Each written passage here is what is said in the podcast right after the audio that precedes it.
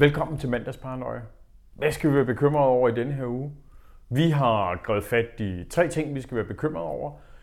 Det ene, det er Brexit. Ja, jeg stønner nærmest ved tanken om det, fordi det er the never ending story. Den anden, det er, at der sker nogle ting nede i den centralafrikanske republik, som ikke bare har at gøre med afrikanske forhold, men også har at gøre med Rusland, Frankrig og FN. Og øh, så slutter vi af med at tale lidt om, hvordan Kina agerer ude i verden. Men øh, lad os starte med Brexit. Weekenden var fyldt med sjove tweets om, hvordan at britiske parlamentarikere ikke helt havde forstået, at de var på vej ud af det der Europa, så de kunne hverken have medlemmer i Europaparlamentet eller havde en europakommissær. Hvis vi lige skralder alt det der sjove af det, så er det jo dybt bekymrende. Theresa May får rigtig svært ved at finde opbakning i sit eget parti og i blandt sin koalition til at få øh, papirerne videre.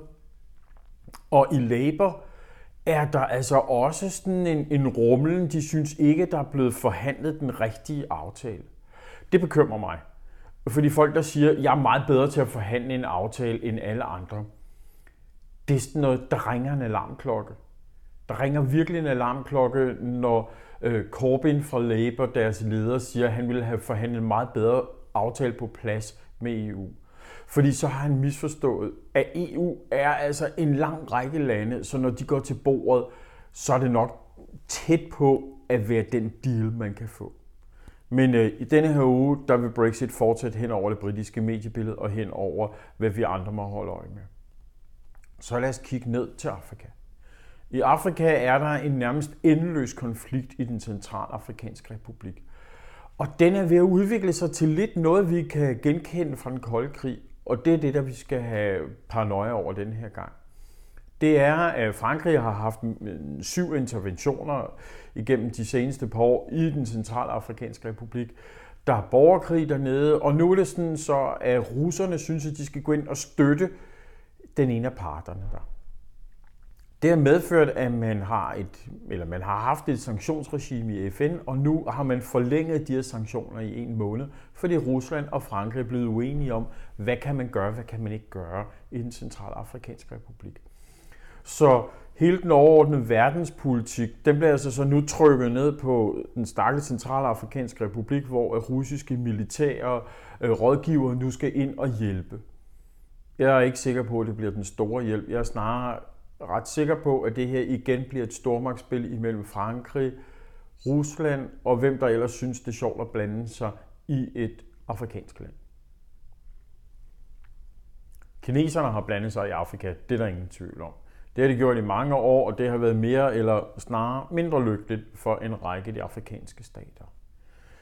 Nu har vi i Danmark jo haft Tibet-sag. Vi har måske i virkeligheden også haft en lang række andre sager, som ligesom bobler op nu, med, at kinesere gerne vil blande sig i indre forhold eller bestemme noget, hvordan at tingene skal være.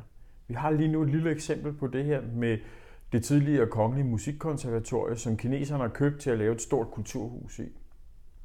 Der går tingene ikke, som de skal, og nu er kineserne endt med at prøve at presse på for, at man lige kunne få 250 kinesiske arbejdere til Danmark for at udføre arbejdet. Det tror jeg er den lille detalje, vi skal lægge mærke til. Kineserne blander sig hele tiden, og de vil gøre det på deres måde, og de vil have deres regler kørende, og de vil have deres arbejder. Det må bekymre os alle sammen, fordi hvad ved de her kinesere egentlig? Det må bekymre folk på Grønland, det bekymrer folk alle mulige andre steder, og kan vi se det i det store perspektiv med, at den amerikanske nationale sikkerhedsstrategi, den har altså sat Kina ikke op som en fjende, men som en meget stor konkurrent, som de er rigtig bekymrede over. Og i de her år, der bliver vi simpelthen nødt til ikke bare i en enkelt mandagsparanoia, men helt generelt at være dybt bekymret over, hvad finder kineserne på. De vil være ledende inden for kunstig intelligens i 2025. De vil være verdens ledende magt i 2049. Det er altså bekymrende for os. Og håb, jeg sagde noget med kunstig intelligens. Ved du noget om, hvad kunstig intelligens egentlig er? Ved du noget om, hvilke megatrends, der kommer til at være de næste 10, 20, 30 år? Ved du, hvad forskerne laver? Jeg ved lidt om det, men på torsdag ved jeg meget mere, og du er velkommen til at komme med. Atlantsammenslutningen afholder en Megatrend-konference på torsdag den 22. november, og der vil vi høre en masse om, hvad forskes der i. Altså ikke, hvad er det nye? Jeg mener, min søn han har en drone, så droner det er noget, vi har nu. Men hvad sidder forskere og arbejder med lige nu? Vi får blandt andet professor Anja Andersen fra Niels Bohr Instituttet, der fortæller noget om, hvad foregår der af grundforskning der. Vi får professor Georg Sørensen, der kommer fra Aalborg Universitet, der prøver at sige noget om, hvordan ser tingene ud ude i verden. Og vi får en række andre forskningsoplæg, og vi får mindst en enkelt virksomhed, der kommer og taler om, hvordan kigger de på fremtiden, hvordan skal vi se ind i fremtiden. Fordi det tager os 1-10 år at øh, forske i et eller andet, anskaffe det til forsvaret, og så er det i brug i 30-40 år. Så megatrends er interessant for os alle sammen, der interesserer os for sikkerhedspolitik. Hvad byder fremtiden på de næste 10, 20, 30 år? Gå ind på Atlantssammenslutningens øh, hjemmeside atlant.dk og se, hvordan du kan tilmelde dig. Ha' en god uge.